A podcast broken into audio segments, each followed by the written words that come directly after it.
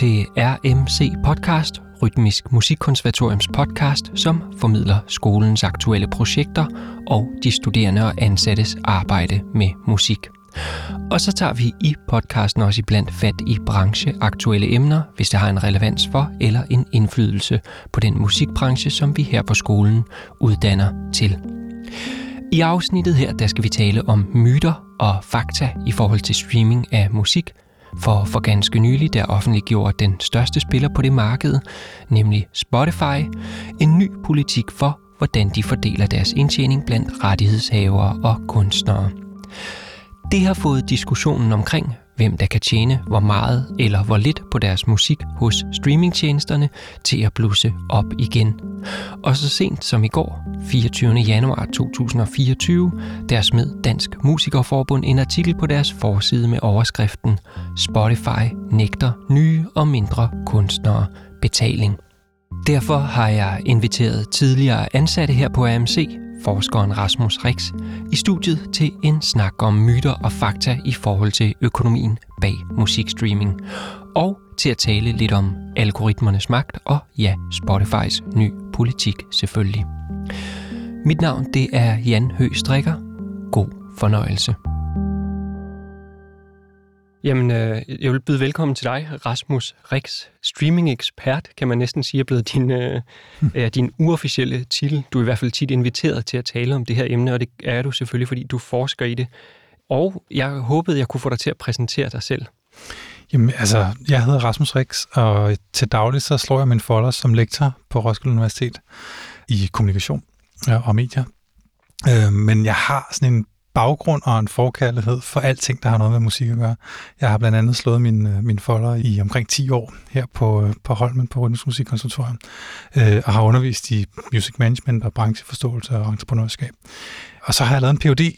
herude også, hvor jeg sat fokus på digitaliseringens konsekvenser i musikbranchen sådan ret bredt, både for måden, man organiserer sig på, men også i høj grad for, hvad digitaliseringen har betydet for vilkårene som mellemlagsmusiker, altså som musiker, der har en professionel karriere, men som ikke er en af dem, der ligger aller, aller øverst op på, på hitlisterne. Og det har ført mig i retning af at snakke rigtig meget om streaming, øh, både udenom min forskning, men også i min forskning. Kan du udfolde den baggrund en lille smule mere? Hvordan kommer du til musik, og hvordan kommer du så derfra til at være interesseret for tal og data inden for musikbranchen? Jamen, jeg tror, altså helt grundlæggende, som så mange andre øh, folk, der beskæftiger sig med musik, så er min historie en historie om en, en forfejlet musiker. En, der engang troede, han skulle være musiker, og fandt ud af, at det var der mange andre, der var meget bedre til. Men kærligheden til musikken har været der hele tiden. Og det, jeg fandt ud af, da jeg begyndte at bevæge mig ind i det her, det var, at det her krydsfelt imellem musik og medier, det var jeg fascineret af, og der skete rigtig meget lige i de år, hvor det var, at jeg fandt ud af, at jeg ikke skulle være musiker. Vi havde øh, en ting, der hed Napster dengang, som, som satte øh, agendaen for rigtig meget af det, der foregik i musikbranchen. Altså i forhold til at se digitaliseringen som noget, der i virkeligheden rev en masse gamle paradigmer ned. Og jeg var nysgerrig på dels at forstå de sådan lidt dybere konsekvenser i det, øh, men egentlig også blev jeg ret hurtigt fascineret af, hvad er det så, der begyndte at vokse frem i stedet for. Vi så MySpace dukke op som en ting. Vi så en kort periode, hvor det var, at ringetoner og salg af digitale downloads fyldte meget i, i snakken om, hvad der skulle overtage. Og så kom streaming lige samtidig med, at jeg brød igennem som, som, som voksen og det blev på en eller anden måde ret meget sådan et cue for mig i min forskning, og også bare sådan i min kærlighed til musikken, at prøve at forstå, hvordan digitaliseringen influerer på det at være musiker, på det at være musikfan, og på den musik, som kommer ud til os. Det er som om, du foregriber det her næste spørgsmål, jeg havde tænkt mig at stille, som lidt hæver perspektivet til at kigge ud over de sidste altså mange årtier. Hør om du kunne give sådan et form for en hurtig gennemgang af, hvad sker der fra det boomende LP- og CD-salg, og så til der, hvor vi er øh, nu? Jamen, man kan fortælle den historie på rigtig mange forskellige måder. Det er et kæmpe, kæmpe, kæmpe det? stort fordi, spørgsmål. Fordi når vi bevæger os fra 70'erne, 80'erne, 90'erne og så op til nu, så sker der rigtig, rigtig mange ting. En af de vigtigste ting, altså et point of no return det her, det er lige omkring årtusindskiftet, hvor det er, at pirattjenesterne træder ind og giver mulighed for digital distribution, hvor vi lige pludselig får potentialet i internettet manifesteret.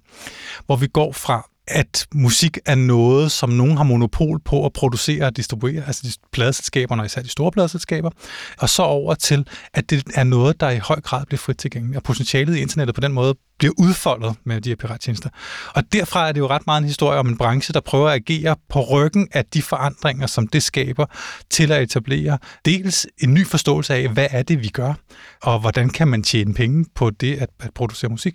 Men det bliver også et starten på en bølge, hvor det er, at det åbner op for nogle nye former for kreativitet og nogle nye former for kultur, som på nogle måder er mindre styret af den her monokultur, som store pladselskaber måske har haft incitamenter til at dyrke, og som hvis vi så skal binde tråden tilbage, har været det, der i høj grad kendetegnede, hvad der skete i 70'erne, 80'erne og 90'erne.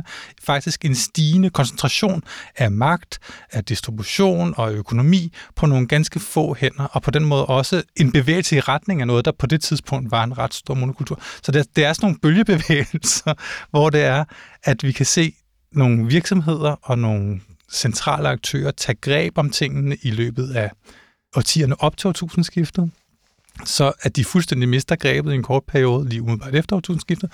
Og så ser vi nu her de sidste år, at vi stille og roligt begynder at få sådan en branche, der begynder at samle sig igen og manifestere sig igen som nogen, der faktisk begynder at tage ejerskab på rigtig mange af de ting, der sker i, i branchen. Og på den måde lidt en koncentration af magt igen. Så øh, det er ikke en entydig historie, hvor at man kan kigge tilbage på det boomende CD-salg og så begræde det. Det er der helt sikkert nogen, der vil kigge tilbage på. Altså hvis vi kigger på, den, på en stor salgsstatistik, så vil det jo være det, der er historien, at der er en, en, en salgskurve, der gik op, op, op, op, op, op, op, og så da vi ramte 2000, så begyndte den at gå ned, og kun sådan stille og roligt er begyndt at genetablere sig efterfølgende. Men der er også rigtig mange andre diskussioner ned omkring. En diskussion omkring, hvem er det, der har magten i branchen, og en diskussion om, hvilken form for kulturel diversitet bliver repræsenteret i forskellige paradigmer undervejs der.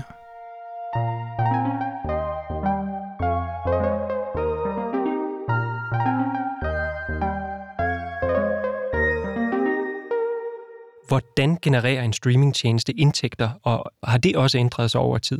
Altså, hvordan streamingtjenesterne tjener penge, har faktisk ikke ændret sig markant siden Spotify lancerede i hvert fald i Danmark i 2011. Så det vil sige, at vi har, vi har efterhånden en god erfaring med det her. Og streamingtjenesterne har ligesom to forskellige måder, de kan tjene penge på. Helt grundlæggende. Den ene er, at de kan tage penge for et abonnement, der giver adgang til, til den tjeneste, de har. Den anden er, at de kan stille musikken gratis til råd for forbrugerne, mod at man så til gengæld lægger ører eller øjne til reklamer. Og altså, hverken måden, de tjener penge på, eller måden, de distribuerer penge på videre i systemet, har egentlig fundamentalt forandret sig siden etableringen af Spotify, Deezer, Tidal og hvad de ellers hedder, de, de streamtjenester, der har været med os fra starten. Ikke? Så kommer jeg til at tænke på en ting, det er, at på et tidspunkt omkring øh, dengang Napster var noget, som vi alle sammen sad og dyrkede og hentede al musikken gratis. Hvordan er det lykkedes de her selskaber ligesom at fravriste det greb om det, hvor at lige pludselig, okay, du kunne få det gratis, nu skal vi faktisk have dig til at betale penge for det? Ja, altså det, der har været den helt store game changer i forhold til at skabe den forandring, det har været, at selskaberne og musikbranchen i det hele taget gik fra at have en idé om, at de skulle kontrollere distributionen af musik, til at det i stedet for handlede om at prøve at skabe øh, muligheder for nemt og bekvemt at komme til musikken kan man sige, det er det, Spotify har gjort bedre end nogen andre overbevist musikbranchen om, at hvis man skulle have folk til igen at betale for det her, så handlede det ikke om værdien i at eje musikken. Det handlede ikke om hvorvidt kunstnerne fik en færre betaling. Det, som forbrugerne helt overvejende var interesseret i, det var, at det var nemt og bekvemt. Og hvis det var det, det ville de gerne betale for. Altså den service, det var at komme nemt til musikken. Men alle de andre parametre blev ligesom glemt i det der paradigmeskift fra CD-salg til, til Napster. Det, der sker en gang imellem, det er, at en, en fagforening som Dansk Musikerforbund eller kunstnere, individuelle kunstnere, de poster de her statistikker øh, eller tal over, hvor meget du får per stream. Jeg tog nogle eksempler med, men det er ikke, fordi vi behøver at kigge på de specifikke beløb, men det ender altid med, at Spotify og YouTube, de ligger sådan helt i bunden, og så er der et ramaskrig i forhold til, hvorfor bruger øh, hvad hedder det, folk, der elsker musik, hvorfor bruger de de her tjenester, når de musikere, de gerne vil støtte, faktisk ikke får noget som helst. Jeg kunne godt tænke mig, at vi kiggede på de tal, så du prøvede at forklare mig, hvordan ender vi på sådan et lavt beløb per, per stream? Ja, altså den aller, aller første ting, man så gør så klart, det er, at alle de her streamingtjenester, de er primært tech-virksomheder. Så de er ikke i, i altså, de er ikke i markedet for at gøre noget godt for musik, eller musikbranchen, eller for musikerne. De er i markedet for at levere en tech-ydelse på lige plan med alle mulige andre programmer og services, vi har på vores computer. Men det, der er helt fundamentalt, er den store forskel på de forskellige tjenester, det er, i hvor høj grad har de en betalings abonnementsmulighed som det eneste. Hvor høj grad er det finansieret via reklamer? Det er ligesom den vigtigste parameter af det her. Og det vil sige, når man kigger på de her lister over, hvem der er, der udbetaler mest per stream, vi skal nok vende tilbage til, tror jeg, om vi overhovedet kan gøre det på noget, men hvis vi kigger på de lister, så vil vi se, at dem, der ligger øverst, det er dem, der, der kun har mulighed for at have et abonnement ved at betale for det, og dem, der ligger længere nede, jeg kan se på din liste her, der står Spotify, Pandora og YouTube, det er tjenester, der helt eller delvist er finansieret gennem reklamer. Og det er med til at drive den her forskel, fordi det, der sker, det er, at når streams er reklamefinansieret, så genererer de bare ikke lige så mange indtægter til platformen, som når de er finansieret gennem, at vi som brugere har abonnement på tjenesterne. Så Spotify placerer sig under alle de andre streamingtjenester, fordi de andre a la carte streamingtjenester, Apple Music, Deezer, Tidal osv., fordi de er den eneste af dem, der har en del af deres tjeneste, som er reklamefinansieret, men de placerer sig over eksempelvis YouTube, fordi YouTube stort set ikke har nogen, der betaler for adgang til den. De har stort set kun øh, reklameindtægter at øh, betale videre af. Men hvordan ender vi på de her lave per streaming, og er det overhovedet der, man burde lægge sit fokus? For det, det gør Dansk Musikerforbund nogle gange, når de har kampagner. Jamen, altså, grund til, at vi ender med nogle lave udbetalinger per stream, det handler egentlig om, at de her tjenester faktisk alle sammen bruger det, som man kalder en revenue share model. Det vil sige, at hver stream har egentlig ikke en fast værdi. I stedet for så udbetaler de en vis andel af deres omsætning i en given måned videre til rettighedshaverne. Og det vil sige, hvis i en måned, at Spotify har en stor omsætning, tjener mange penge ind og har relativt få afspilninger, jamen så vil øh, afregningen per stream, den vil stige ret meget den der måned, og omvendt, hvis det er, at vi har en måned, hvor det er, at deres indtægter falder, og antallet af streams stiger, så vil man ende med en meget, meget lav udbetaling per stream. Så hvis vi ligesom har som forudsætning, at alle tjenester tager cirka 100 kroner for at have et abonnement, så vil de penge, som streamingtjenesterne afregner til rettighedshaverne, for alle tjenesterne så vedkommende være cirka 70 procent. De bevarer cirka 30 procent til sig selv og så sender de de resterende 70 procent videre til rettighedshaverne. Der er en fast andel af det, som er lidt forskelligt fra land til land, som går til rettighedsforvaltning, altså i Danmark til Koda og NCB, og så er der en del, som går videre til masterejerne, det vil sige typisk til pladeselskaberne, øh, og så bliver for, fordelt til det. Derfra, så, kan, så, så sker der så en fordeling, alt efter hvilke nogle kontraktrammer hvad hedder det, rammer man har, videre ud i systemet, hvor vi stille og roligt får udvandet det, inden det når frem til de kunstnere, der rent faktisk har skabt musikken. Og når de udbetaler de her penge, så udmyndter det sig i forskellige beløb per stream, alt efter hvor aktive brugerne på deres platform er. Så en del af historien omkring, hvorfor en tjeneste som Spotify udbetaler færre penge per stream, handler også om, at de er i stand til at få folk til at lytte til mere musik i løbet af en måned, end nogle af de andre streamingtjenester er i stand til. Øh, det betyder ikke, at de udbetaler færre penge. Det betyder, at der bliver flere musikere, der skal deles om de penge, som de udbetaler. Det er svært at afgøre, om det er en god eller dårlig ting. Ja, det er rigtig svært at afgøre, om det er en god eller en dårlig ting, for det kommer an på, hvad for et perspektiv man tager på det. Altså, en god eller dårlig ting for hvem og for hvad. Hvis man ser det fra et kulturelt diversitetsperspektiv, så vil jeg jo argumentere for, at det sådan set er en positiv ting, Spotify eksempelvis er i stand til at få os til at lytte til rigtig meget forskellig musik, og har en motivation til at få folk til at bruge længere tid på at lytte til musik. Som musikelsker, så, så er det sådan en ting, jeg vil efterstræbe, at det vil vi da for alt i verden gerne have. Men hvis man nu er musiker eller rettighedshaver, så står man i den situation, at det, at vi lytter til mere forskellig musik, det gør også, at man er en meget skarpere konkurrence med alle mulige andre musikere. Og det vil sige, at de penge, der kommer ind i branchen, de bliver fordelt over langt flere rettighedshavere end tidligere. Og det gør, at alle sådan set har sværere ved at få en bæredygtig økonomi ud af det. Tit så hører vi historien om dem, som ikke helt kan få deres daglige økonomi til at hænge sammen. Men hvis vi kigger tilbage nogle år tilbage, så så vi, at Taylor Swift trak sin musik fra Spotify. Og noget af det handlede om, at selv Taylor Swift synes ikke, at hun fik en retfærdig betaling for det her, fordi hun blev også ramt af præcis den samme udfordring som alle de andre, at vi spreder vores opmærksomhed og dermed vores penge over langt flere forskellige. Og det vil sige, at hun følte ikke, hun tjente helt lige så mange penge, som hun kunne have gjort. Den historie hører vi ikke så tit, fordi at Taylor Swift skal nok klare sig, også selvom hun ikke tjener helt så meget, som hun kunne have gjort i den gamle ære. Men det er egentlig historien for alle musikere, der er til stede på platformen. Grunden til, at vi taler så meget om Spotify, det er også, at det er den, der har de største markedsandele. Kan du måske lige prøve at sætte det i sådan en kontekst? Hvor mange brugere har Spotify? Hvor mange øh, musiknumre? Og hvordan ser deres samlede økonomi som sådan ud? Oh ja, det, det er et rigtig stort spørgsmål, og som ændrer, og som ændrer sig hele tiden. Ikke? Altså, vi, vi snakker om, Spotify har flere hundrede millioner brugere på, på verdensplan, og vi snakker om, at de også har over 100 millioner tracks øh, i, i spil, som, som skal deles om de her penge. Det vil sige, at det er nogle tal, som er så store, at vi faktisk har svært ved at forholde os til dem, når vi skal prøve at visualisere dem. Det betyder, at når vi tænker på top 1% af alle tracks på tjenesten, så tænker vi på det, som er hits til, til hverdag, men top 1% af alle tracks på Spotify er langt langt flere numre, end du eller jeg nogensinde ville kunne nævne. Så det, det er ligesom den ene del i det. Vi snakker om rigtig, rigtig stor skala, både i forhold til diversitet, i hvor er det folk kommer fra, hvor mange brugere er der, og også i, i forhold til den musik, der er til sted. Og når du så siger, hvad er det så for en type forretning, som Spotify har, så kommer det også rigtig meget an på, hvordan vi taler om det. Fordi indtil for ganske nylig har Spotify været en underskudsforretning, øh, helt generelt. Og der har været sådan en, en konflikt imellem, at man på den ene side kunne se, at øh, Spotify var en var en underskudsforretning, og samtidig så var børsværdien ekstremt høj, og man kunne se, at Daniel Ek, der, der er direktør for Spotify, var en ekstremt rig person, og ligesom kunne tjene rigtig meget, og der ligesom var en eller anden form for dissonans imellem de to ting.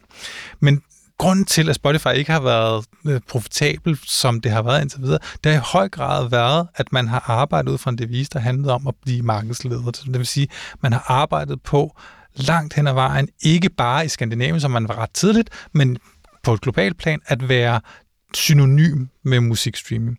Og det har man investeret ind i og har gradvist åbnet i nye markeder, udviklet nye initiativer for at sætte sig på den der position som værende dem, der er dominerende. Nu begynder vi at se, at de stille og roligt begynder at prøve at, at lave transitionen til at være en bæredygtig forretning.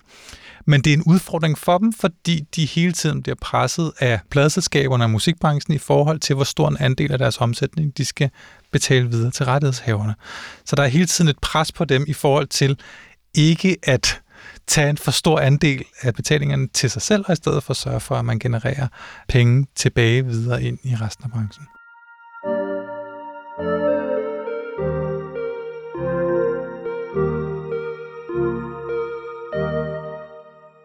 det ikke sikkert, at du kan svare på det her, men er vilkårene for at tjene penge på sin musik, altså set fra kunstnernes perspektiv, er det blevet ringere? Altså generelt set, ja når jeg siger generelt set, at bliver nødt til at sige det, så, så er det fordi, at det der også sker, og det sker altid med, når vi introducerer nye medier og nye platforme, så er der, der er nogle medier, der, klar, der klarer sig godt på den type platform. Og hvis man nu producerer minimalistisk klavermusik, eller hvis man nu producerer sådan funktionsrettet musik, yogamusik, eller øh, sådan nogle ting, så kan det faktisk godt være, at man har en fordel ud af det her, og faktisk har nemmere ved at tjene penge på at være på Spotify, end man ville have haft ved at selv se det her. Men for langt de fleste af dem, vi normalt tænker på, sådan har som for vores indre nethinde, når det er, vi, når vi snakker om en musiker, der vil det typisk være sådan, at den her konkurrenceforøgelse faktisk gør, at det bliver sværere at tjene penge. Så den historie er egentlig legitim nok? Den er helt klart legitim. Altså, det er helt klart sådan, at som enkeltstående musikere, så er det sværere. Der er en større konkurrence i streamingmarkedet, end der har været i de markeder, som vi har kendt i hvert fald de sidste 50 år. Lad os prøve at tage et rigtig kritisk blik på nogle af de her øh, tjenester. Kunne være Spotify, kunne også være YouTube. På hvilken måde skal vi så være kritisk over for dem, hvis det ikke er, hvor meget udbetaler I egentlig per stream? Men jeg tror, det vigtigste, vi skal tænke på, det er, hvordan er de med til at understøtte sådan de overordnede dynamikker i branchen. Og det vil sige, hvis vi gerne vil snakke om, hvordan kan de være med til at skabe en bæredygtig virkelighed for musikerne, så handler det jo i høj grad også om, hvordan er de med til at hjælpe til, at vi opdager forskellig musik? Hvordan er de med til at sikre, at den musik, som vi bliver guidet i retning af, på en eller anden måde repræsenterer mangfoldigheden i de forskellige kulturer, som er til stede på streamingplatformene. Så det er sådan fra et kulturelt perspektiv. Og så er der en diskussion, som vi stille og roligt er begyndt at åbne op for, men som stadig ikke er udfoldet helt, som handler om, hvis vi skal lave om på det her, så skal vi have en af to ting til at ske. Enten så skal vi have forbrugerne til at betale markant flere penge for deres streamingtjenester, eller også så skal vi have en diskussion om, om der egentlig bør finde en eller anden form for omfordeling af de penge sted. Lige nu, der er alle streams på en given platform i en given periode, de er lige meget værd som musikfans ved vi godt, at det ikke nødvendigvis er den samme værdi, de alle sammen bidrager til øh, hos os. Så en diskussion omkring, om der faktisk kunne være andre modeller, som ville gøre, at vi tilskrev lidt mere værdi til noget og lidt mindre værdi til noget andet, kunne også være med til at skabe en omfordeling. Men det vil jo netop være en omfordeling, og hvis vi gør det, så vil vi få en situation, hvor nogen vil føle, at vi tager penge fra dem, og andre vil føle, at nu får vi etableret noget, der er mere fair. Men det kunne vi måske godt snakke en lille smule om, fordi at Spotify har lige annonceret nogle ændringer den 21. november, der udsendte de en pressemeddelelse med overskriften We're introducing new policies to better support the most dependent on streaming revenues as part of their livelihood. Øh, kan du forklare, hvad det er for nogle ændringer, de foretager sig? Jamen altså helt grundlæggende, så, så prøver Spotify at gøre noget, der minder om det, jeg siger her. Altså de prøver at åbne op for diskussionen omkring, er der nogle streams, der ikke er lige så meget værd som andre? Og er der nogle musikere, som er vigtigere at understøtte end andre? Og det gør de ved først og fremmest at indføre en grænse på, hvornår de udbetaler penge for afspilning af et bestemt track. Og der sætter de sådan en grænse et eller andet arbitrært sted. Det her det er så lige ved 1000 afspilninger om året, siger de. Hvis du er under 1000 afspilninger på et år på et track, jamen så kommer du ikke til at modtage udbetalinger for det her. Hvis du er over, så kommer du til at udbetale, modtage udbetalinger. Og det er effektiv en omfordeling, fordi det tager penge væk fra de tracks, der er allermindst populære på platformen, og så fører de dem over til, i stedet for at være udbetalinger, til dem, der er lidt mere populære på platformen. Og på den måde, så kan de være med til at understøtte dem, som er nogenlunde populære i forvejen, men måske har svært ved at få tingene til at hænge sammen, men det er jo altså på bekostning af nogle af de andre. Mellemlags ja. øh, kunstnerne. Ja, og så bliver udfordringen jo, er 1000 afspilninger det rigtige sted at sætte den grænse? Er det det rigtige at lave grænsen på track-niveau, eller burde man gøre det på artistniveau? Og hvad skaber det af udfordringer for en artist, der er på vej frem, og måske har potentiale til at blive meget større, men stadig ikke er der endnu, over for en artist, som har haft 20 år til at prøve at bevise sit værd, men stadig fitter rundt i et niveau, hvor det er, at de ikke tjener særlig mange penge på på studerende, ikke har særlig mange afspillinger af deres, af deres tracks i øjeblikket. Og det er vigtigt at have en diskussion omkring, hvad er det, vi som musikkultur, som forbrugere, som branche, som streamingselskaber, synes er en færre måde at honorere, øh, at honorere musikerne for. Hvordan har reaktionerne været på den her øh, ændring, den her annoncerede ændring? Ja, altså jeg tror, reaktionerne har langt hen ad vejen været, været farvet af, at det her blandt andet er udtænkt i samarbejde med nogle af de store pladselskaber. Og når det er det, så er man jo natur, helt naturligt, og det tror jeg også, man bør være, noget skeptisk over for, hvad er implikationerne i, i forhold til de her ting. Og man kan sige, at den helt korte del af den historie er, at selvfølgelig vil de store pladeselskaber være nogle af dem, som har en helt klar interesse i at få lavet det her. At få ført nogle af pengene væk fra det ekstreme nicheindhold, der er på platformen, de millioner af numre, som vi ikke rigtig kender og ikke rigtig lytter til, og så få ført dem videre opad i systemet, fordi det er højst sandsynligt, at det er størstedelen af deres katalog befinder sig. Så det vil være en mulighed for at tjene lidt flere penge for dem. Men ellers, så er det sådan, at man kunne se, at der vil være vidt forskellige tilgang til det, alt efter hvem det er, man snakker med. Ikke? Øh, hvis man snakker med, med musikere, som lige præcis placerer sig under grænsen i forhold til det her, så vil der være en stor skepsis i forhold til det. Hvis man ser musikere, som placerer sig over tærsklen for de her 1000 streams, jamen, så vil der måske være en lidt mere positiv indstilling i forhold til, hvordan man ser på det. Men det er jo kontroversielt, fordi vi går fra at en ret demokratisk måde at gøre det på, som er at sige, at alting er lige meget værd, og så til at lave nogle normative bedømmelser om, hvornår er du en kunstner, som vi finder værdig til at modtage penge for dine streams, og hvornår er du en nu står jeg med nogle, hvad hedder det, air quotes her ved siden af mig, men hvornår er du en amatør, som ikke arbejder professionelt med din musik, er i hvert fald det, der bliver insinueret gennem den måde at gribe den på. Tror du, det fører med sig, at nogle af de små, altså selvudgivende kunstnere, eller kunstnere, der har sin egen lille pladeselskab, nichekunstnere, kommer til at trække sit indhold fra, fra Spotify? Jeg tvivler på, at der kommer til at være store bevægelser i forhold til de her ting. Øh, og vigtigst af alt, fordi hvis du i forvejen har under 1000 afspilninger af din track, så tjener du i forvejen næsten ikke noget på den her platform. Øh, så er en stor del af motivationen for at være til stede, det er at skabe en eller anden form for synlighed for, for din musik. Og det er jo det, altså, det er jo den kæmpe store udfordring, man står i som især som opkommende musiker, det er, at man kan være kritisk over for Spotify som platform, men det er der klart størstedelen af musikforbrugerne er. Og hvis man ikke er til stede på den platform, så bliver man i praksis usynlig for de potentielle fans, som eksisterer derude. Og så kan det godt være, at man kan få en højere udbetaling per stream på andre platforme, men hvis man nu ikke får de afspilninger, samme antal afspilninger, så, så kan det selvfølgelig være nok så fint at få 100% af næsten ingenting. Nu hørte jeg dig tale for ikke så længe siden, øh, hvilket også ansporede mig til at invitere dig herind. Og der snakkede du en lille smule om, nu har jeg mine air quotes fremme, altså de tracks, som snyder, altså man snyder sig til en masse øh, streams. Og det prøver de også at gøre, gøre noget ved. Kan du forklare det lidt? Ja, altså, hvad hedder det? Den her del med at indføre en grænse for, hvornår man får udbetaling, det var den kontroversielle del af det, som Spotify gør. Der følger også nogle andre, meget mindre kontroversielle øh, dele med i, i den ændring, de laver. Øh, og en stor del af det handler om at prøve at fjerne penge fra dem, som, om man så må sige, gamer deres system. Altså det vil sige, øh, folk, der arbejder med at udgive musik med henblik på at få ganske få afspilninger øh, af rigtig, rigtig, rigtig mange tracks. Altså, og vi snakker ikke som i rigtig mange, som i 50 eller 100, vi snakker som i tusindvis af tracks, som man uploader øh, og har ganske få afspilninger af, og dermed holder sig øh, under Spotifys tærskel for, hvornår de begynder at kunne identificere, om der er manipuleret med afspilningerne af de her tracks. Det vil sige, at der er en forretningsmodel, som vi kan se i flere sådan skandaler, der er dukket op over årene, hvor folk uploader musik, som er af dårlig kvalitet, og der ikke er nogen, reelt ikke er nogen, der vil have lyst til at lytte til, putter dem ind på nogle playlister, sørger for at få automatiseret afspilning af de her tracks, og så genererer penge til sig selv ud af systemet på den måde, og kan tjene relativt store beløb på det der er helt klart motivation i at prøve at eliminere den her form for, nogen kalder det fake streams, eller stream farms, som genererer det her.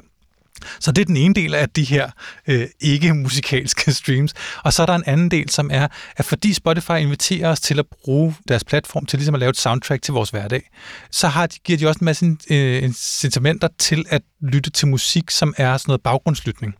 Og det betyder, at mange brugere bruger rigtig meget tid på at lytte til lyden af et vandfald, eller regn i en regnskov, eller hvid støj, eller altså, øh, pink støj, eller hvad det nu måtte være, som kan hjælpe med at sove, eller kan hjælpe med at fokusere, mens man arbejder. Eller hvad. Og det er jo ret lange lyttesessioner. Og nogle af de rigtig smarte af de her folk, der uploader den her type af, af, af indhold, de er så oven i købet været så smarte at forkorte indholdet ned til 30 sekunder. Så de er sikre på, at de får en stream for hver 30 sekunder, vi lytter til. Og det vil sige, det genererer rigtig mange streams, hvis man sidder sådan en hel arbejdsdag og lytter til den her regnskov i, i baggrunden, og kan generere rigtig mange penge. Og det går Spotify også ind og siger, at hvis det ikke er musikalsk streams, jamen så sørger vi for at fjerne udbetalingen af, af, af penge til den her type af indhold, og sender den i stedet over til rigtige musikere, som så kan tjene lidt mere per stream i det. Det lyder umiddelbart som en positiv øh, ændring. Og derfor har der heller ikke været meget kritik af det, fordi, fordi det, er, det er noget mindre øh, kontroversielt at lave den der form for omfordeling. Rasmus, jeg spurgte dig, om der var et, øh, et nummer eller noget musik, som du kunne tage med, som vi måske kunne lytte på, men som også kunne være med til at fortælle en lille smule om historien om streamingtjenesten, eller den måde, vi forbruger musik øh, på. Øh, og hvad er det, du har, har med? Jamen, altså, jeg tænkte, at vi kunne høre noget musik af Max Richter. Hvem er Max Richter? Men altså grundlæggende er det jo musik, som helt klart har et udspring i en kunstnerisk tradition omkring at skabe kompositionsmusik. Men en kompositionsmusik i krydsfeltet mellem klassisk musik og elektronika, som egner sig ekstremt godt til at have kørende som baggrundsmusik, mens man arbejder, øh, eller som noget, der kan hjælpe en med lige at få nervesystemet lidt i ro efter en lang arbejdsdag. Og på den måde så taler han ind i en type af musikforbrug, som Spotify meget aktivt inviterer os til at gøre. Øh, nemlig at bruge musikken som, som en del af, af det lydtapet, vi har til vores hverdag.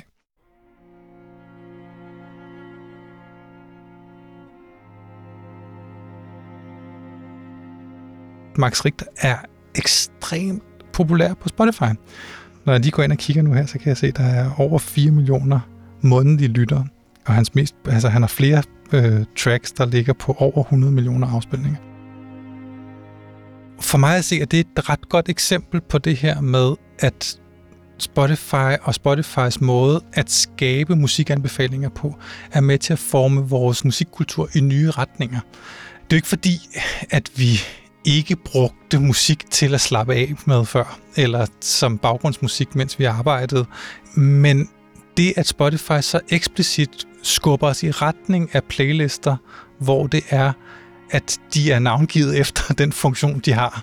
Om det så er til at danse eller lave workout, eller til, til fokus, øh, som, som det her vil være, jamen så inviterer det os ind i nye typer af lytning. Og det åbner markedet op for nogle typer af, af musikere, som vi måske ikke engang ved, hvem er, når vi lytter til dem, men som producerer musik, der egner sig godt til at være secondary listening, om man så må sige. Altså noget, der foregår så parallelt med andre aktiviteter, vi laver.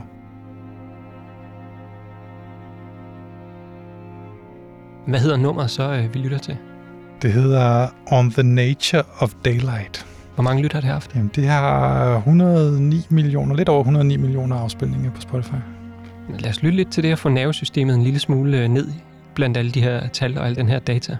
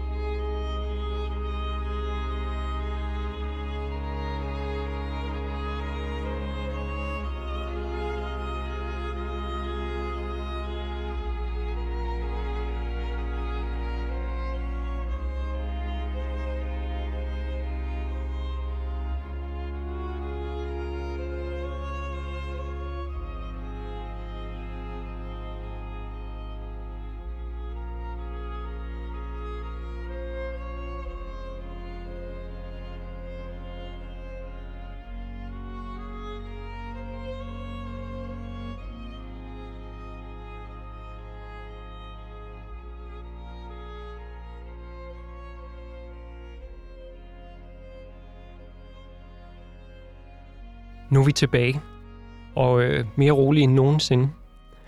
Rasmus, du ved også en hel masse om algoritmernes magt og om playlisternes øh, magt. Er der nogle særlige mekanismer eller logikker, som vi burde øh, tale mere om, som er vigtige for at forstå, hvordan man tjener penge på for eksempel Spotify? Jamen, jeg tror, det vigtigste at vide, det er, at Spotify er ikke sat i verden for at øh, give os god musik. De er sat i verden for at give os det, de selv kalder en god lytteoplevelse. Og det lyder jo sådan set meget nobelt, øh, men det er vigtigt at sige, at den måde, som Spotify fungerer på, det er ved, at en god lytteoplevelse er kvantitativt defineret. Det vil sige, at en god lytteoplevelse er defineret ved, hvor lang tid vi bliver på platformen, hvor mange tracks vi lytter til, hvor mange sekunder vi lytter af sangen, om vi lytter den helt til enden, hvor mange gange vi vender tilbage til den, om vi adder den til en playlist, alle mulige ting, som vi kan måle sådan at tælle op. Det, det ikke forholder sig til, det er, hvordan reagerer vi kropsligt på musik. Og det vil sige, at den der forståelse af, hvad kvalitet er i musik, eller hvad en god anbefaling er, der kommer til at være et stille og roligt et skred fra den måde, som vi forstår det, eller i hvert fald som jeg forstår det, som værende en god musikanbefaling, det er, hvis du fortæller mig noget, som du har følt noget ved og så at det kan vække noget i mig. Og det kan godt være, at det, det vækker i mig, det er kedsomhed eller øh, ejerskab over, at det var fandme et dårligt nummer eller et eller andet. Men det, at der er en kvalitativ, når nogen, der har lyttet, der er nogen, der har følt noget ved det her, som de tænker, Rasmus, det vil du også. Du vil også føle noget, hvis du kommer ind og, og, og lytter til den her musik. Det stille og roligt bevæger vi os væk fra. Det bliver en statistisk beregning af, hvor stor sandsynligheden er for, at jeg bliver hængende på platformen og lytter det her nummer færdigt. Måske ovenikøbet bliver hængende og lytter mere musik bagefter, øh, om jeg kunne finde på at sætte det på en playliste, om jeg kunne finde på at vende tilbage til den playliste på et senere tidspunkt. Og på den måde, fjerner vi os stille og roligt for den forståelse af, hvad musik er som kunstform, som ligesom har været fundamentet for vores musikforbrug i rigtig, rigtig, rigtig mange år efterhånden, og så over i retning af noget, hvor det langt mere er en funktionel ting, som vi kan beregne på og optimere på, og det er et, et markant skift for mig at se playlister og personlige anbefalinger, altså det, der hedder for eksempel Discover Weekly, det spiller en ret stor rolle, men hvor stor en rolle spiller det i forhold til at kunne komme til at tjene penge? Hvad, hvad sker der, når du ender på de her playlister? det, der sker, det er, at man kommer ud til et publikum, man ikke har haft før. Og det, vi kan se, der kendetegner rigtig meget af det musik, som bliver populært på en platform som Spotify, det er, at der er et samspil imellem det, som algoritmerne gør, og det, som de mennesker, altså det, som brugerne gør. Det vil sige, der er et feedback loop i forhold til, hvad er det, vi lytter til, hvad er det, vi godt kan lide, og hvad er det så, playlisterne anbefaler os. Og det vil sige, til at starte med, jamen så kan vi jo starte ud med at sige, jamen det vi lytter til, og det vi godt kan lide, det er med til at forme, hvad det er for nogle anbefalinger, vi får. Men fordi der er millioner af tracks på Spotify, 100 millioner øh, tracks på Spotify, så kan vi aldrig nogensinde nå at lytte til det hele. Det vil sige, at vi er afhængige af noget, der filtrerer alt det her indhold. Og det, som vi ikke bliver anbefalet af algoritmerne eller af playlisterne, det bliver i praksis usynligt for os. Og det vil sige, vores horisont, når vi kigger ud og siger, hvad er det for noget musik, jeg godt kan lide ud af alt det musik, der er ude i verden, den er yderst begrænset. Og den er begrænset af, hvad det er for nogle algoritmer, der er derude. Så, så så, så, så det kommer til at påvirke, hvad det er, jeg i fremtiden kommer til at kunne lide. Det er, hvad er det for en horisont, jeg får at kigge ud fra. Og det giver jeg så tilbage som input ud af den horisont, jeg har. Hvad er det så, jeg godt kan lide? Og det er så med til at forme de anbefalinger, jeg får i fremtiden. Det vil sige, at vi skaber et feedback loop, hvor vi stille og roligt får forstærket den effekt, som de her algoritmer har. Så hvis du spørger mig lige nu, hvor stor effekt har algoritmerne i forhold til, hvad for noget musik vi lytter til, så vil jeg sige, at den er relativt begrænset. Men hvis vi fortsætter det her feedback loop i en del år ude i fremtiden, jamen, så får vi stille og roligt skabt en situation, hvor vi udlejer mere og mere af beslutninger omkring, hvad er det for noget musik, vi lytter til, til et teknisk system, som måler på musikalsk kvalitet fra kvantitative parametre, og væk fra de kvalitative parametre, som vi som mennesker bruger, når vi vurderer, om noget musik er godt. Ja, det var faktisk det, jeg havde tænkt også at snakke en lille bitte smule om, måske her til sidst. Altså prøve at fremskrive udviklingen inden for musikstreaming. Er der noget teknologi? Altså nu er artificial intelligence virkelig brudt igennem lydmuren. Er der nogle ting, som du kan fremskrive, som du tror kommer til at ske? Altså for det første, så tror jeg ikke den der bevægelse i retning af, at der er mere og mere musik tilgængelig, at den kommer til at stoppe. Tværtimod så tænker jeg, at hele, hele bevægelsen omkring kunstig intelligens kommer til at gøre det meget nemmere at producere ny musik, og det kommer også til at gøre det meget nemmere at producere musik, som er i langt højere grad skræddersyet til den enkelte bruger.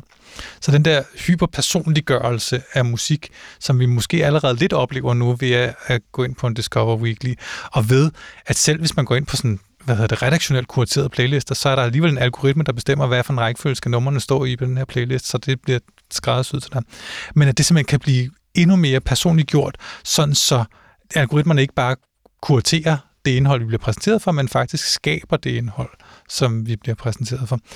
Og det tror jeg ikke, jeg, jeg er rimelig skeptisk over for, om vi kommer til at se det som værende noget, der erstatter det, som Taylor Swift er i vores samfund. Eller, altså, de store popartister eller de små kunstneriske krøllede sjæle, tror jeg ikke nødvendigvis bliver erstattet af det her. Men al den der form for musik, som tjener en funktion i vores hverdag, er oplagt at få erstattet af den her type af, af, af kunstig intelligens.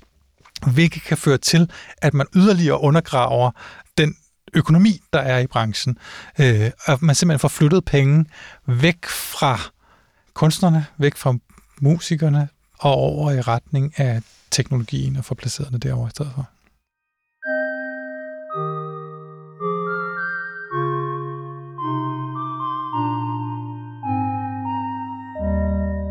Vi er jo en uddannelsesinstitution, blandt andet herude, som uddanner nye øh, eller fremtidens øh, musikere og komponister og musikbranchepersoner. Hvad skal de tænke over, når de begiver sig ud i musikbranchen? Altså fra dit forskningsområdes perspektiv? Ja, det, det er et stort spørgsmål. Ja. Ikke? Men jeg, jeg tror, at en, en væsentlig del af det handler om at forstå, at musikstreaming er et lille bitte hjørne af musik som kunstform, og et lille bitte hjørne af musik som en karriere. Altså at musikbranchen er ekstremt kompleks, og det at indspille og udgive og distribuere musik er en relativt begrænset del af det. Det er noget, der historisk har været helt centralt i den måde, som vi har skabt forretning rundt omkring musikken, og dermed også skabt karriere som musiker. Men det har forandret sig over de sidste 10-20 år, og der er ikke noget, der tyder på, at det kommer til at ændre sig tilbage igen i forløbet. Så det, som er nøglen i streaming, handler i høj grad om at være tilgængelig med sin kunst, og så hvordan det skaber rammer omkring, hvordan vi kan blive opdaget og være synlige som musikere. Så der er helt klart noget med at forstå, hvad er det for et medie? Hvad er det for nogle dynamikker, der er i spil i forhold til, hvad for noget musik, der klarer sig godt? Hvordan det performer i forhold til andre? Hvordan kan man bruge det til at positionere sig selv som kunstner i forhold til andre øh, kunstnere derude? Men i lige så høj grad, hvordan kan man bruge det arbejde, man laver alle mulige andre steder end på platformene, til at føre folk ind og opdage det univers, man har derinde, og så føre dem videre væk fra Spotify igen og over til et sted, hvor man kan tjene penge på de her ting, så man kan bygge en karriere ud af det. Så det er meget svært at give et simpelt svar på det, fordi streamingtjenesterne binder så meget ind i, hvad er det for nogle rettigheder, og hvad for nogle indtægtsstrømme at ligger der i det at være komponist eller producer? Hvad ligger der i at kunne komme ud og spille live? Hvad er det for nogle indtægtsmuligheder, der ligger i at være tilgængelig som kunstner og bygge nogle relationer til nogle fans, som måske kun i begrænset omfang har noget at gøre med ens kunstart og ens musik, men som lige så høj grad handler om, hvem det er, man er som, som person, som persona, som, som kunstner, om man så må sige. Så du kan ikke øh, træde ud i verden som nyuddannet musiker eller komponist herudefra og kun have dit fokus på, hvordan du kommer på nogle af de playlister på Spotify, der genererer lytninger? så skal man i hvert fald være en af de få, der kan ramme det helt perfekt. Og for langt de fleste af dem, som producerer musik som en kunstform, vil der jo være en anden logik i spil også, end bare hvor godt fungerer det til en bestemt funktion. Så hvis man producerer musik udelukkende med et funktionelt perspektiv, man gerne vil producere musik til at være godt til madlavning, eller hvad det nu måtte være, øh, jamen så vil det typisk være noget, hvor det er, man bliver nødt til at gå lidt på kompromis med nogle kunstneriske ambitioner. Og det der med, arbejder man med musikken som kunstart, eller arbejder man med musikken som øh, et værktøj til at, øh, at gøre nogle bestemte ting, altså som noget funktionelt. Det vil være to vidt forskellige ting, men man kan jo godt tænke over, når nu jeg har skabt det her musik, er der nogle bestemte typer af funktionaliteter, det, det matcher ind i. Altså, jeg tror ikke, Max Richter øh, har skrevet sin musik, fordi han tænkte, at det her det er skide godt til at arbejde til. Øh, jeg tror, han har tænkt det som en, som en klassisk komposition, og så er det tilfældigvis noget, der faktisk gør sig godt i lige præcis den kontekst. Og så har han haft et blik for det, eller nogle folk omkring ham har haft et blik for det, i forhold til at sørge for, at han så bliver placeret de rigtige steder for det. Vi er ved at være øh, til vejs ende i det her interview, vil jeg tro, men jeg tænkte måske, om vi kunne få et, øh, et nummer at gå ud på, øh, som ligesom hæver energien på vej øh, videre. Og øh, det kunne måske være noget med det mest streamede nummer i Danmark, måske sidste år, eller et af de sidste 10 år. Har du et eller andet på, på beding? Jamen, altså man kunne prøve at kigge på, hvad var det mest, øh, hvad var det mest streamede danske nummer på, på Spotify øh, sidste år, 2023. Og det var Moonlight af Dima. Der må jeg gå til bekendelse og sige, at det er en kunstner, som jeg faktisk ikke kender. Og det er jo egentlig et udtryk for noget af det, der, der gør sig gældende på Spotify, at vi begynder at bevæge os, dels bevæge os i retning af, at den der form for monokultur, som vi måske havde for 20 år siden, hvor vi helt sikkert alle sammen kendte Robbie Williams. Det kan godt være, at vi, vi ikke var fans, men vi, det var umuligt ikke at forholde sig til det, som lå på toppen af hele listen, til at vi i langt højere grad har en mere nicheorienteret øh, musikforbrug nu. Så, så det, er jo, det er jo en del af den der udvikling. Og så er det også et udtryk for, at den, noget af den musik, som klarer sig rigtig godt på toppen af hitlisten, i den her streaming-virkelighed, jamen det er musik, som appellerer til de helt unge musikforbrugere, som lytter rigtig, rigtig meget til musik, hvor de her artister bliver spillet igen og igen og igen og igen af øh, unge mennesker, som historisk set altid har været dem, der brugt størstedelen af deres tid på at lytte til musik. Vi andre har en tendens til, jo ældre vi bliver, at lytte, bruge mindre og mindre af døgnet på at lytte til musik. Og det slår igennem, når det er, at hitlisterne er formet efter antal afspilninger, og ikke efter, hvor mange penge man har brugt på at købe CD'er. Kendte du det nummer her? Jeg kendte ikke nummeret, nej. Hvad hedder det? Det hedder Moonlight. Så vil jeg sige, før vi sætter det på, uh, tusind tak, Rasmus, fordi du gad at komme uh, forbi uh, studiet her. Hvis vi skal give lidt oplysning til borgerne om samfundet her, så var det, at vi kunne prøve at sætte dem i retning af et sted, hvor de kan finde mere viden omkring det her. Har du nogle anbefalinger på en bog eller en podcast eller noget, hvor de kan hente mere viden om musikstreaming? Altså, der findes jo en fantastisk engelsk brancheanalytiker, som hedder Mark Mulligan, og han har en øh, blog, som hvad hedder det, hedder Media, M-I-D-I-A, hvor han analyserer tidens trends i de her ting, og den er, synes jeg altid er fascinerende at følge med i. Hvis man skal have mere viden om øh, ja, din forskning og formidlingen af den, hvor, hvor skal man så gå hen? Jamen, så er det jo på en utrolig kedelig hjemmeside på Roskilde Universitet. Der samler jeg både min forskning og hvad hedder det og de publikationer jeg har og prøver så vidt muligt at gøre dem tilgængelige også selvom man ikke nødvendigvis har et abonnement på sådan nogle store onde forsknings øh, hvad hedder det databaser som koster en formue at komme ind på. Så vil jeg også lige anbefale, at du faktisk medvirkede sidste år i en podcast, som blev produceret her i selvsamme studie. Det hedder Musikbranchens Keynote, og den blev produceret af to Music Management studerende herudefra. Og der er du også inde og tale om øh, ja, under overskriften Nøglen til streaming-algoritmerne. Ja. Så der kan man i hvert fald tune ind også. Kan du sige igen, hvad det er, vi skal lytte til, og så går vi ud på, på den her? Vi skal simpelthen lytte til Moonlight af Dima.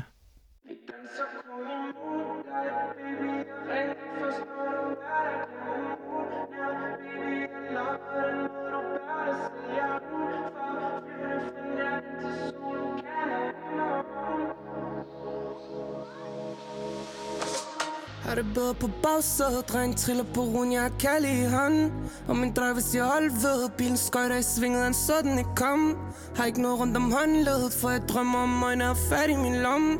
Det er historier, de godt ved Alle de ting, vi har oplevet. Jeg siger, ho, jeg kører langsomt Og lige nu klokken for mange for mig. Ved ikke, hvad du har tænkt på. Tænd op en sang for mig. Tanker kræver balance for mig Men jeg åbner og vælter. Jeg er ikke den samme for dig. Pludselig hun er blevet bange for mig. Hun siger, alting er ændret. Smutter jeg nu bedst, så ved jeg, du med mig. Du kan spille dum, men du ved, hvor du ender. Og hun siger, jeg er ikke, hvad du får Ved, hun har haft sin minder, det er fortiden. Kender ikke vores liv, for hun ved ikke, den er man er på forsiden. Prøver ikke at drive, men er væk afhængig af os Natten, det er vores tid vi danser kun i moonlight. Baby, jeg ringer først, når du er derhjemme. Nah, baby, jeg lover den måde, du bærer dig selv. Jeg er ud for flyvende fra natten til solen kalder om morgen. Om morgen. Vi danser kun i moonlight. Baby, hun ringer først, når hun er i seng.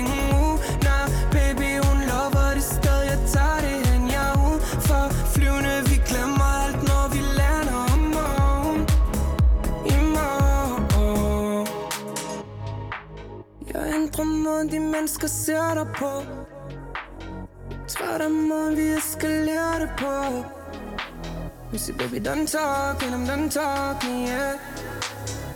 Yeah jeg siger baby, tal langsommere Lige nu jeg er alt for ramt, så jeg ved ikke hvad du forventer. Spiller nogle sange for dig, sætter kroppen i gang på dig Sætter drej dig og vent. Står jeg der mange om mig fra de bitches der hang på mig? Pige, det er ikke hvad du tænker. Smutter du nu bag, så ved du jeg er med dig. Jeg kan lede rundt, men jeg ved hvor jeg ender. Og hun siger, jeg er ikke hvad du får Ved hun har haft sin, men er det fortiden Kender ikke vores liv, for hun ved ikke den er man er på forsiden. Prøver ikke Natten det er vores tid. Vi danser kun i moonlight. Baby, jeg ringer først, når du er derhjemme. Uh, nah, baby, jeg lover den måde, du bærer dig selv. Jeg er ud for flyvende fra natten til solen. Kalder om morgen. Om morgen. Vi danser kun i moonlight. Baby, hun ringer først, når hun er i sengen.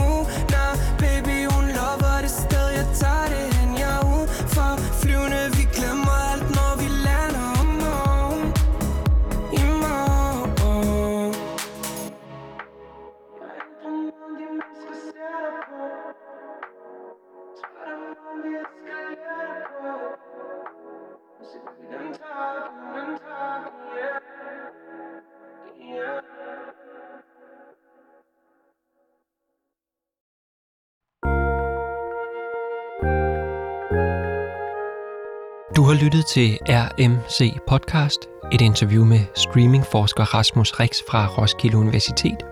Her i slutningen af samtalen, der nævner Rasmus nogle forskellige steder at søge mere viden om området, og det linker jeg naturligvis til i episodebeskrivelsen, så det er let for jer at finde. Synes man, at kritikken af Spotify og de andre streamingtjenester har været lidt for løs i dette afsnit, ja, så er der meget mere viden at hente på det site og det initiativ, som hedder fixstreaming.dk, hvor en række af landets organisationer, herunder også Koda og Dansk Musikerforbund, går i brækken for, at afregning fra musikstreamingtjenesterne til artister, musikere og producere er helt urimelig lav, og kommer med en række anbefalinger til, hvordan ændringer til systemet kunne se ud. Det handler om at orientere sig. Økonomien i musikstreaming er en helt utrolig kompleks størrelse. Men jeg håber, at du er blevet en smule klogere i løbet af det her afsnit af RMC Podcast. Tak til Rasmus Rix for at medvirke. Mit navn det er Jan Høgh Strikker på Genhør.